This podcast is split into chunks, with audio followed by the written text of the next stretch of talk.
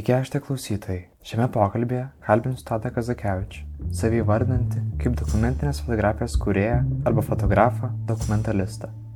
Tadas savo kūryboje nagrinėja istorijos ir kasdieniškas patirtis, kurios turi stiprų ryšį su praeitimi. Dažnai šios istorijos tokios įtraukiančios, kad virsta leidiniais ar meninėmis parodomis, kurios sulaukia didelio pripažinimo tiek Lietuvoje, tiek užsienyje. Nagrinėjant autoriaus biografiją ir kūrybinius vingius, atsiveria sentimentai, pradžios ir pabaigos, padariusios įtaką tada požiūriui. Taigi šiandien kalbėsime apie tai, kas nesuvaidinta, apie jausmą ir kasdieniškumo vertybės fotografijoje. Gerą klausimą. Šiemet mes turim temą metų vertė, plačia prasme - architektūros, fotografijos, medijų, menų. Ir um, peržiūrėjau tavo darbus ir supratau, kad tu labai tą vertą matai unikaliai. Kaip ten sakei, spirgi, kai užčiapi praeities fragmentus. Tai galvoju, bus fainai tave pakalbinti.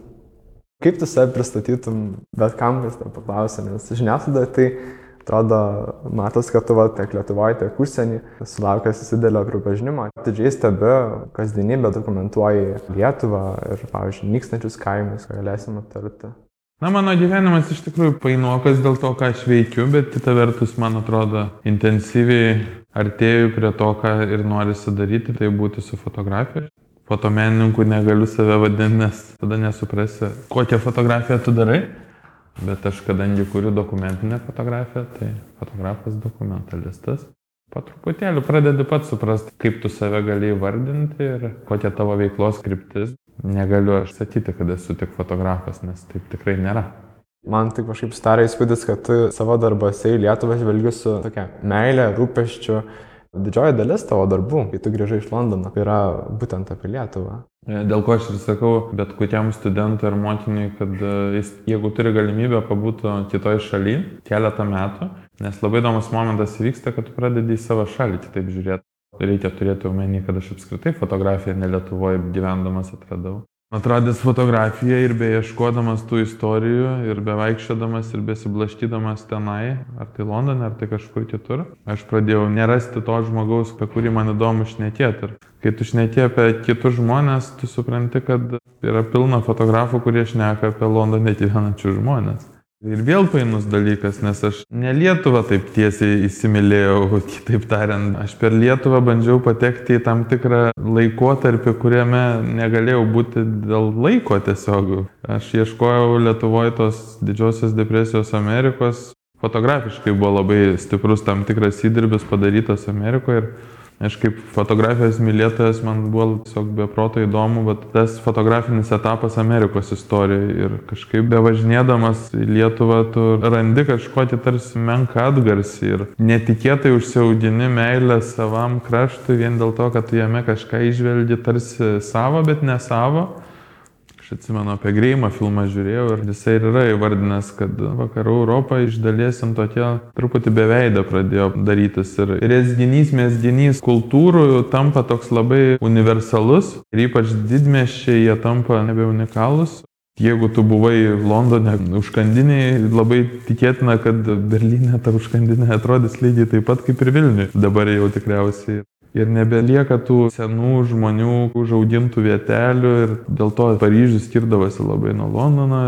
O Lietuvoje iš dalies miestai irgi tampa jau tokie europiniai. Tame yra ir labai gerų dalykų, ir galbūt nelabai gerų dalykų. Mūsų ekonomika vis vien stėbėsi, bet kita vertus mes prarandam veidą. Ir Greimas ir yra pasakęs, kad vakarų Europa labai tampa tokia vienoda. Ir tos šalis jos dar turi galimybę Europos identitetą nuspalvinti. Na ir Lietuvoje yra ta užmieščia Lietuva. Ir jinai yra, nu, žiauriai graži. Joje dar labai daug tos praeities. Tas keistas momentas ir atsiranda, kad aš tos praeities ir gainėjusi. Dėl to, kad aš jaučiu, kad neberandu to, ką galima dar užčiuopti Lietuvoje. Ir e, žiūrint, tarkim, mūsų klasikų darbus, visos fotografijos mokyklos darbus, pradedant ant sutkum, baigiant požerskiu ar vėliau netgi. Tu matai tą, ką tu nori rasti, tokią kasdienybę, bet kad ir dabar stendai mieste su sutkaus kadrais. Ir tu matai tą netgi miesto kasdienybės paprastumą, kurį galėdavai išvelgti Robert Dosneu kadruose Paryžiui. Kažkaip dar Lietuvoje sugebė rasti to dalyko ir tas yra labai žavu. Taip ir gaunasi, kad apsisuka viskas ir tu pasirodai įsimylėjai Lietuvą, bet truputį gal praeities. Todėl ir rūpinės ir fiksuoja ją. Kaip minėjai Paryžių, aš prisiminiau, kad pačio Prancūzijoje yra toksai tyrimo būdas, vadintas flanior. Tai jis įvardė tokį menininką, lampinėtoją, kuris tyrinėja tą besikeičiantį miestą tokiu vaikščiojimo metodu tiesiog. Tai galvoju, gal ir fotografas turi tokį artimumą. Bet Fotografas, manau, ir yra tas lampinėtojas. Na, apskritai Prancūzijoje, man atrodo, ir buvo pirmosios tos gatvės fotografijos užuominos. Ten galbūt buvo tas puikus socialinis ratas ir tos normos. Ir dėl to, vad, lampinėtojas labai daug ką rasdavo ir ten tų žmonių maišalinė tokia įdomi buvo. Aš tai tą slampinėjimą kitaip truputėlį kartais įvardinu, tokį bišti vaikiškesnių momentų, kai tu skaitai Marko Tveno, Tomas Suori ir Jekelberį Finą, jie ieškoja nuotykių. Aš tai asmeniškai tuos visus važinėjimus ir ieškojimus, ar, ar tai yra fabrikai, ar tai yra Lietuvos kaimo nikimo tema, ar bet kur kitur, tai yra nuotykių ieškojimas. Ieškai, ko net nežinai. Ir kai tu randi, tiesiog tas atradimo džiaugsmas labai fainas būna. O įdomu, kaip tu pats atradai fotografiją, nes, kaip minėjai, buvo tų vingių, vis tiek tu baigęs architektūrą, po to dizainas ir tada fotografija. Žinau, gal labai paprastai aš ją atradau. Kartais galvoju, net nuobodu pasakot, nes iš tikrųjų taip atradau, kaip daug žmonių atranda. Atsimenu, pas draugą pamačiau skaitmeninį fotoaparatą ir jis turėjo šviesų objektyvą, kuris skirinėdavo tą objektą kadre ir jisai būdavo fokus ir aš galvoju, kaip tai įmanoma. Tai yra toks gražus dalykas. Ir aš tiesiog nusipirkau fotoaparatą ir viskas. Gyvenime nelabai buvo sąlyčio su fotografija, to, ar tai studijos, ar tai ten bureliai kažkokie, ar ten jaunųjų technikų stotis, kur ten fotografijos burelis kažkoks, kur ten ryštinai, ar tiesiog turėjau tokią pat minuoltą muilinę, kaip ir daugelis kitų tikriausiai, ir dėdavau juostelę ir jeigu kažko reikėdavo, tu nuspausdavai. Ir ganėtinai jokinga, nes aš puikiai atsimenu, kad aš antram kurse ar pirmam kurse prašydavau grupio, kad jie nufotografuotų man maketus. Tai čia jau yra viršūnė visko. Man dabar asmeniškai, bet dėja tai buvo. O atradus juostinę fotografiją, prisilietus prie vidutinio formato juostos, tai va tada, kai gimė tas fotografas manį, bet ne tas fotografas, o tas nuotikį ieškotojas. Kažkaip manęs skaitmeninė technologija neįgalindavo tiem tokiem emociniam persikėlimam kažkur. O su juosta atsirado tas toks entuzijazmas tenai. Vaikščiojimas, ieškojimas žmonių, ieškojimas istorijų, šnekėjimas su jais. Pažinimas žmogaus, ta priežastis atsiranda, o su ta priežastim atsiranda ir kadrai kurie kartais neblogi būna. Tu sakai, buvai labai sužavėtas to užblukusiu fonu. Galbūt tai ir padarė įtaką. Ar tu pradėjai nuo portretinės fotografijos? Portretas, jis vat su juosta atsirado, kaip va to nuotikio įprasminimas, kaip išskirtinis dalykas. Man atrodo, kad pas mane portretas nėra portretas tikrai to žodžio prasme, jis yra aplinkos portretas, kuriais tu truputėlį daugiau negu žmogaus veidų papasakoji. Jeigu tai yra serija, tai gali susidėti iš įvairių dalykų, objektų, peizažų, portretų ir aš praktiškai pavieniais kadrais labai retai kažką teigiu. Aš ir galvoju, ar čia yra portretisto darbai, ar čia yra tokio atsiminimo, įprasminimo. Tai tiesiog kaip dokumentinio kino režisierius. Galiu pasirinkti poetinę kažkokį pasakojimą, kaip verbos, pavyzdžiui, darbai, Senis ir Žemė, tarkim, filmas, kur ten yra labai poetiškas vieno žmogaus portretas. Viskas yra apie jausmą šiaip iš tikrųjų. Man atrodo, fotografija tai yra tik sudėdamoji dalis. Man atrodo, tie, kaip tu pavadinai, aplinkos portretai, atsiskleidžia ir tavo pirmoji asmeniniai parodoj Lietuvoje nacionalinėme muziejuje, tai ko nebebus kurioje pristatai per penkis metus fotografuotą nykstantį Lietuvos kaimą. Ir atrodo, kad per tas keliones, 7000 km mopedu, tu ieškai to unikalumo, įamžini tuos vietinius žmonės. Ir man kažkaip strigo ta pati pirma nuotrauka, kur tu vaizduoji Ugnę Dovydą ir Egidijų, kurie atrodo yra tų nykstančių kaimų ateitis, iš esmės jaunoji karta. Kaip tu manai, ar nykstantis kaimai yra problema ar realybė, su kuria reikia susitaikyti? Aš visada taip biškelį pradėdamas, kaip sakoma, nuo Adomo ir Jėvas papasakoju tą situaciją. Kaimo nikimo tema yra amžina. Kai aš pradėjau tą seriją, man atrodo, vienas kitas žmogus, kurį važiuojant sutikdavai, visada pabrėždavo, tai tau reikėjo čia prieš 10 metų, prieš 20 daryti, bet aš sakau, aš dabar darau. Čia yra mano atspindys. Toks jausmas, kad, na, jis niekada nesibaigė tas procesas, bet aš matau tą patį tuštėja namai, nyksta jau senoji karta ir taip toliau. Bet tada man kyla klausimas, o kada ji nenyko? Kada Lietuvos kaimas buvo šimtaprocentinis, ta prasme, kada jisai buvo faktinis. Buračas fotografavo paskutinio Lietuvos kaimo vaizdus. Tai čia 20 amžiaus pradžioje, lygiai prieš šimtą metų praktiškai. Tada Augustinas tarpukariu fotografavo paskutinius Lietuvos kaimo vaizdus. Tada Sutkus 50-70 ir dar šiek tiek vėliau fotografavo paskutinius Lietuvos kaimo vaizdus. Tada Baltienas, na, aš jau nebelendu į dar eilę autorių. Ir ateina laikas, Kazakievičius fotografuoja paskutinius Lietuvos kaimo vaizdus. Tai reiškia, tikriausiai, kad ir po manęs bus fotografuojami Lietuvos paskutiniai kaimo vaizdai. Ir ta tema tokia sena, kad atsiriamėmės dar į kitą klausimą, o kas tai yra Lietuvos kaimas? Refleksija kiekvieno autoriaus yra tai, kaip jis buvo pamilęs tą supratimą apie šitą dalyką ir kokiu kampu jis tai papasakoja. Sutkaus kalboje tikriausiai buvo tam tikras supriešinimas sovietinių vertybių ir kaimo žmogaus, ezopo kalbos tam tikri motyvai. Tuo tarpu Augustinas galbūt akcentavo provincijos taurumą vertybės tam tikras, tarpu kariu vėl kitokia ir atmosfera Lietuvoje buvo ir taip toliau. Buračas įsirinkdavo medžiagą muziejui, fiksavo tam tikrus dalykus ir kai kurios dalykus net režisavo. Tada šitą klausimą tik taip te galiu atsakyti. Tai yra tik mano refleksija, kokį jausmą ir kokį sentimentą aš jaučiu tiem dalykam. Ir priedo yra dar vienas labai svarbus momentas. Aš jau dabar pradedu suprasti, kad tai, ką aš matau iš tikrųjų savo darbuose, yra mano sentimentų ir mano atsiminimų iš mano vaikystės įprasminimas. Kodėl aš ieškau tų praeities vaizdų? Matyt, kad aš kažkokiu momentu esu juos užsifiksavęs, tai yra pasamoninis dalykas, aš jų ieškau, aš juos randu, aš juos nufotografuoju. Stasio rankos prie braškių man kažką reiškia, kas man matyt kažką primena.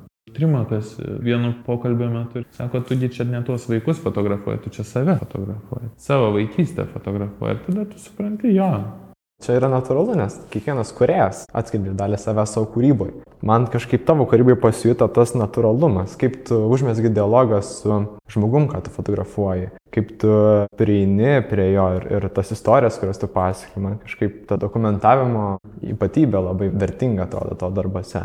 Ir šiaip kaip tau pavyksta perteikti na tuos tikrus, vadinkim, momentus fotografijose? Čia gali tik žiūrovas ir pasakyti, ar jis patikėjo ar nepatikėjo. Manau, kad kiti žmonės gali sakyti, man visiškai tai nepavyksta. Iš tikrųjų, vat, po pernykščio sniego parodos vienas žmogus ir man parašė po to asmeniškai, sako labai keista, kad jaunas žmogus taip nuoširdžiai domisi tuo dalyku. Yra vienas dalykas padaryti dalyką, yra kitas dalykas domėtis nuoširdžiai. Ir kai tu užsidedi va tą ugnelę viduje, tai tada tikriausiai tas žiūrovas, kuris pamato tą tavo kadrą, kažkaip pajaučia. Ir čia matyti yra toks vat, fotografo, herojaus nuotraukos ir to žiūrovo sintezė, kurioje atsiranda va, tas patikėjau momentas. Pagalvoju to tikrumo, stebėtojų priduoda gal ir tas erdviškumo momentas, kurį tu kuri mizansenam. Tarkim, tu bandai atkurtą erdvę, kur yra nuotraukoje realybėj, savo kompoziciją tam tikrą. Toks labiau įtikinantis momentas. Čia jau atsiranda tas daugias sluoksniškumas fotografijos. Aš kai pamatau parodą, kurioje yra sukabinti darbai ir viskas, tai man tai asmeniškai praranda truputį prasmės. Bet aišku, lengva man kalbėti, kai aš baigiau architektūrą, pradirbau grafikos dizaineriu ir dar kuriu dokumentinę fotografiją. Reiškia, plus minus, jeigu aš kuriu parodą, aš praktiškai nuo A iki Z galiu pasidaryti dalykus. Plus aš suprantu, kaip šviesa veikia ir tada man ir apšvietimą lengva susidėlioti. Man šitie dalykai fainus, tu prasme.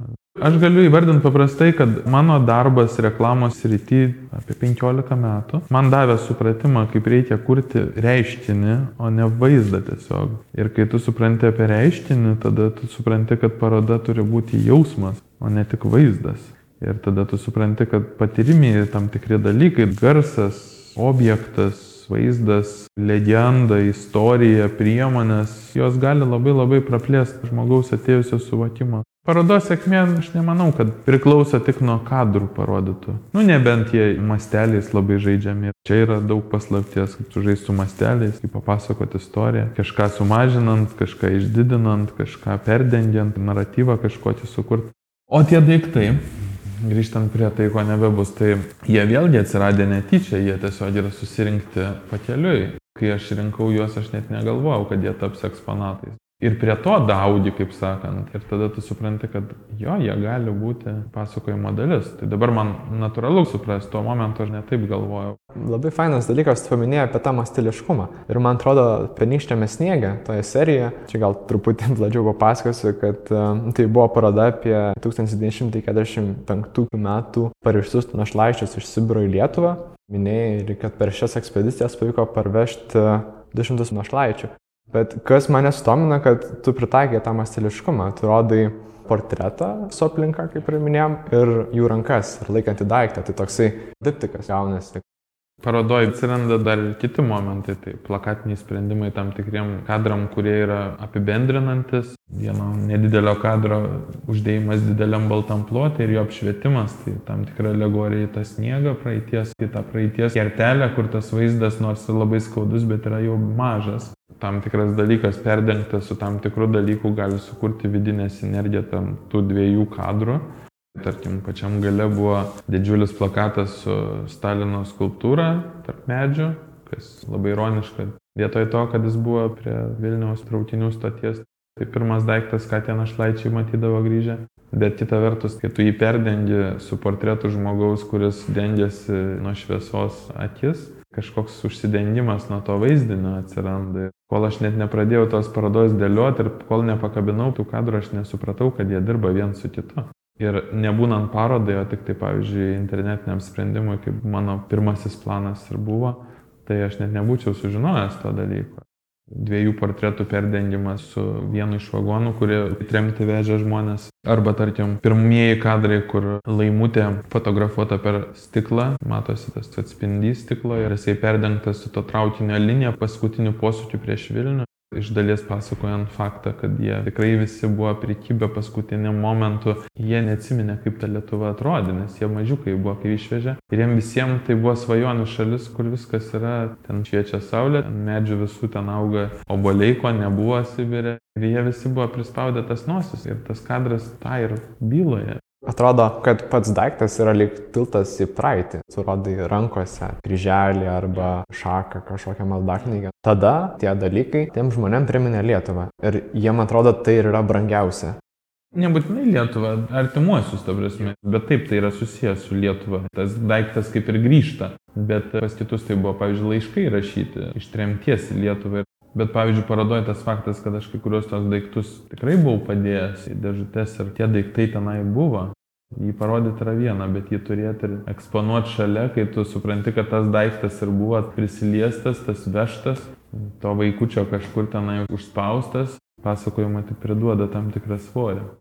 Būnant tremtyje, nu, tu išgyveni nelaisvę. Vienintelė ta laisvė yra to, tie žmonės prisiminimai mintis, kaip ir Balys Ruoga apibūdino ir jam padėjo išlikti, išgyventi.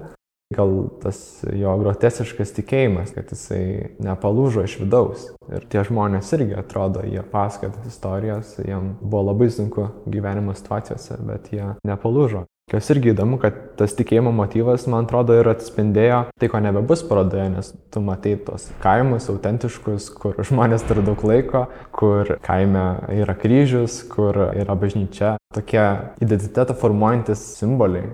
Čia ir atsiranda tas momentas, kas mums visiems yra tam tikri ramybės faktoriai, ar tremty, ar mieste, ar kaime. Labai įdomu tą kitokį supratimą išvelgti ir tas patirtis ne tai, kad pasisavint, bet pergyvent kartu. Gyvenime ir iš tikrųjų kiekviena tavo patirtis labai dažnai yra priežastis, dėl ko tu vieną dar dalyką darai kitaip, negu pavyzdžiui tavo kolega darytų. Tavo patirtis, kaip jau įvardinau, vaikystės tam tikri momentai, tam tikri sentimentai, tam tikri su dienais perduoti dalykai, jie gali labai pavirsti įdomiais momentais. Ir tavo kūrybos bruožas labai ryškus yra, kad tu labiau mėgsi žiūrėti praeitį. Ir ne vienas fotografas tau ir sakė, Tadai, kodėl tu žiūri atgal, kodėl tu žiūri praeitį. Bet man atrodo, kad tai žavu, nes tai tavo asmenybė.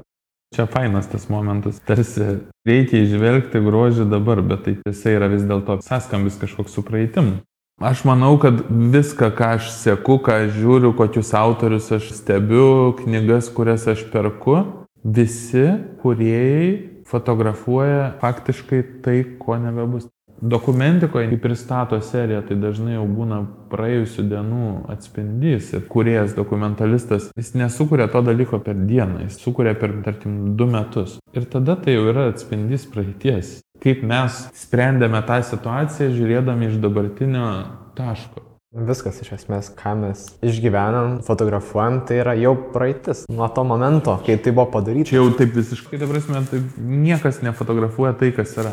Svorio prideda, kuo tu iš toliau žiūri, na, kuo tu iš anksčiau, nes tu tada gali galbūt net ir nuspėt, kas bus ateityje. Man atrodo, kad ta praeitis, kurią tu fiksuoji, turi kažkokią įtaką ateičiai, galbūt taip filosofiškai žvelgiant. Tai yra tokia pirminė stadija ateities. Šitą langą žiūriu, man toks gražus. Jeigu pamatau langą iki pusės užuolaidėlę, ta, ta, man yra tobulai ir va ten va, didelis langas iki pusės užtrauktas. Ir man dabar taip įdomu, kas už to lango. Net blaško, kaip įdomu. Ten, kur jau pateisti langai, man nebeįdomu. O kur ne, man įdomu. Eisiu ir pažiūrėsiu, kaip baigsim kalbėti. O šiaip dažnai nešas fotoaparatą su savimi. Ne visada, šiandien turiu. Anksčiau aš visada nešiodavau, dabar galbūt vėl pradėjau po truputėlį nešiotis, bet tam tikrų momentų visiškai nesinešiau. Man jau atsiranda problema tam tikra, aš miestą pradedu neberas to, ko aš ieškau. Dabar jau čia nuskambės taip, kaip sakytų. Bet prieš dešimt metų buvo įdomiau. Per dešimt metų labai daug kas pasikeičia vis dėlto. Nešiojantis fotoaparatą su savimi, tu turi galimybę fotografuota kasdieną labai spontaniškai, eini gatvę, pamatai kadrą ir tu gali tai įamžinti. Ir tai gal yra labiau tas jausmas, kaip dabar tu pajutai, matai pro langą, tas užuodas. Reikia pastojo fotografuoti ir jeigu tau netgi atrodo, kad tai yra beprasmiška, vis vien reikia fotografuoti, tu tik po to vis dėlto suprasi tą dalyką. Ir aš dar nekuriu tiek metų, kad aš jau galėčiau nuoširdžiai sakyti savo archyvą, bet kita vertus galiu rasti kažkokių labai įdomių momentų. Jie susijęs su tada, kada aš jau pradėjau pleniorint, kaip sakant. Tai, o iki tol tai kažkaip tas archyvas netoks, kaip aš norėčiau. Pas kitus žmonės kitaip, jie vos ne ateina į tą momentą ir ilgai būna jame, bet tada jie fiksuoja labai daug nūdienos vat, momentų ir tada jie žvalgosi į tą archyvą. O aš, pavyzdžiui, labai struktūriškai dirbu dažniausiai. Turiu mintį ir aplink ją lipdau, nebent ta mintis yra klaidžiojimas vieną kitą kadrą ramiai į juostą neskubant. Ir tada auga tam tikri dalykai. Tuo momentu nematai prasmės, bet ilgainiui jie atsiranda. Ja, būtent, kad kartais gal nuotrauką padarai pasąmoniškai, o po to tik po laiko tu supranti, kad wow, čia gal kažkokią seriją gali susilipdyti. Ar šiaip kadro supratimas gal ateina vėliau, bet pats momento fiksavimas tinka. Tai labai aktualu vaiką audinant. Kasdienybė su vaiku yra tokia labai repetitiv. Vaiką tu turi, pavyzdžiui, ištisai fotografuoti. Tai va čia yra apie gyvenimą tas pats. Aš dabar, pavyzdžiui, matau, kad dukra dėlė kasmet turi ten bent šimtą kadrų apygerių. Čia aš neku apie kadrus, kuriuos tu juostai išsiriškinai, tu negatyvus turi, kai praeis 20 metų, tai bus faina. Dar vienas labai svarbus momentas, dėja mes nueinam į mobiliųjų telefonų fotografiją ir su jie atsiranda didžiulė problema. Pavyzdžiui, vakar perskelniau vienų metų archyvą, nes reikia išsivalyti, tiesiog jau fiziškai užsikimša telefonas. Tai labai chaotiškas procesas. Tu persikeli ir tada, jeigu tau reikės, tu susirasi. Ir kai jis nepavirsta materija, tai yra dėja, bet praktiškai neegzistuojantis dalykas. Bet aš plius minus įsivaizduoju, kaip žmonės atrodo feedas kartais. Tuo momentu taip taupai laiką, bet tu jo taip netaupai vėliau. Arba tu tiesiog nuoširdžiai pasakai, man nesvarbu mano archyvas. Ir po to jis netyčia išnyksta, netyčia išsitrina. Jeigu kažką kuri vis dėlto tai turi tapti ir materija, tai kitaip tariant, turi būti kažkoks, kad ir skaitmeninis nuotraukos spaudas, bet jisai turi prasme. Albumas vis dar turi prasme. Kaip tu esi ir sakęs, kad nuotraukų kiekybė nereiškia, kad tai bus gera kokybė. Tu turi kas vakarą, jeigu fotografavai išsivalyti, pasilikti esminius. Tai dažniausiai bus tie 10 kadrų į savaitę. Telefoninį turiu omeny. Bet Vieną dalyką pabrėšiu. Telefonas yra nuostabus daiktas kaip filmavimo kamera. Šitoje vietoje aš jį galiu tik girt, nes mes filmuojam ir finale mes turim video medžiagą, kurią mes galim sudėti, pavyzdžiui, retrospektyvinį dalyką, pavyzdžiui, visų penkių metų vaiko vaizdai. Tu kažkokį filmą jau gali sudėlioti iš to ir tai yra žiauriai fainai. Pavyzdžiui, Tėvas vat, nefotografavo, bet filmuodavo į kasetę. Ir aš tokių dalykų turiu.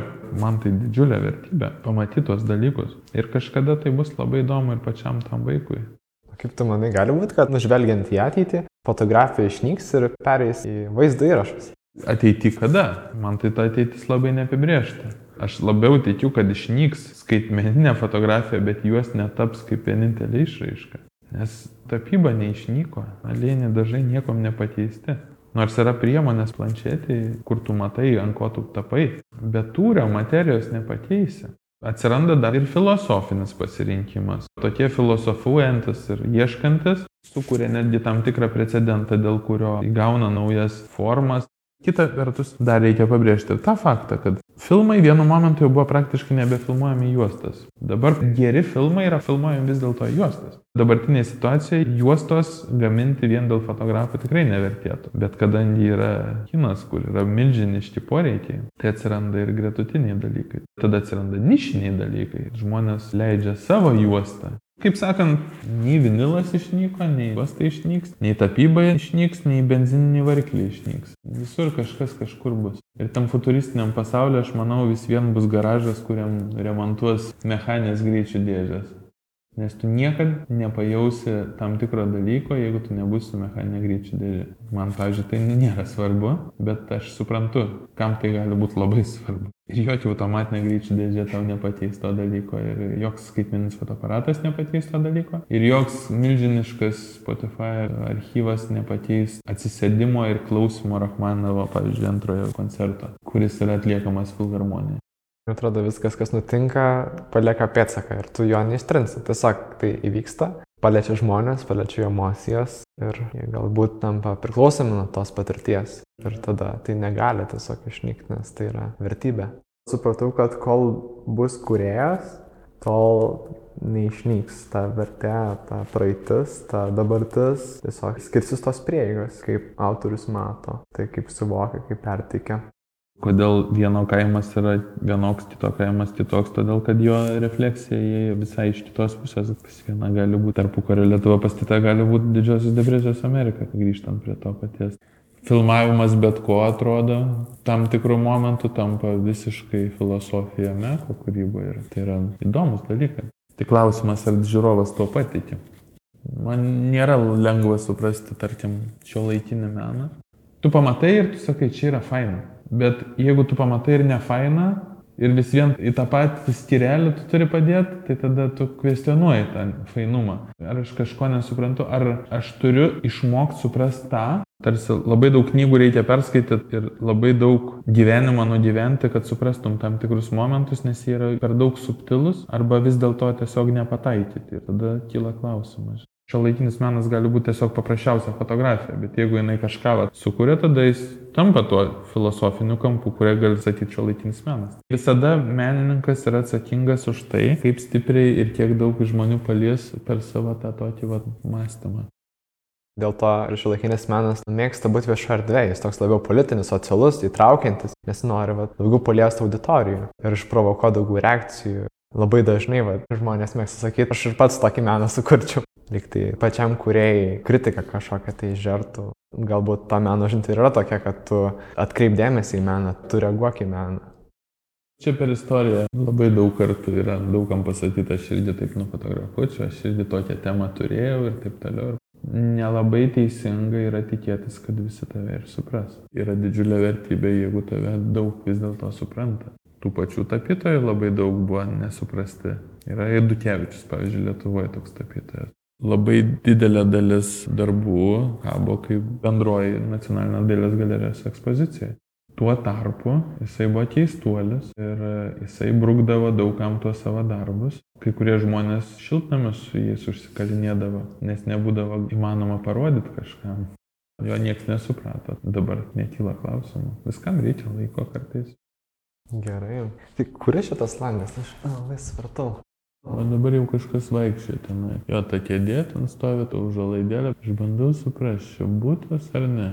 Tokie va užsilikę langai visokie, va tokie užalaidėlės, tai jie nukelia kažkokį laikotarpį. Ir tas, pavyzdžiui, žiūrėjimas per langus, matymas šviestų, pavyzdžiui. Štai miestas yra žiauriai įdomu vaikščioti, matyti. Aš atsimenu vis Helsinkį, tu vaikščiai. Ir per langus matai spintos kampą, tu matai šviestuvą seną. Lietuvoje labai daug žmonių vis dėlto norėjo to susitvarkymo švaraus ir jie labai daug išnaikino grožio. Ir tokia tvarka atneša tokį biškį vizualinį skurdą. Viskas tvarkinga, bet nebėra dušios. Ir štai tie kadrai kartais erdvėse, kuriuose atrodo tos praeities yra, jie tarsi įtikinamesni yra. Tai va dabar ir galvoja, kas ten per istoriją gyvena. Šiandien baigiame pokalbį iš Martino Mažvydo bibliotekos. Su jumis atsveikina Lukas ir Tadas. Ačiū, kad buvote kartu. Lauksime jūsų sugrįžtant. Iki kito pokalbio.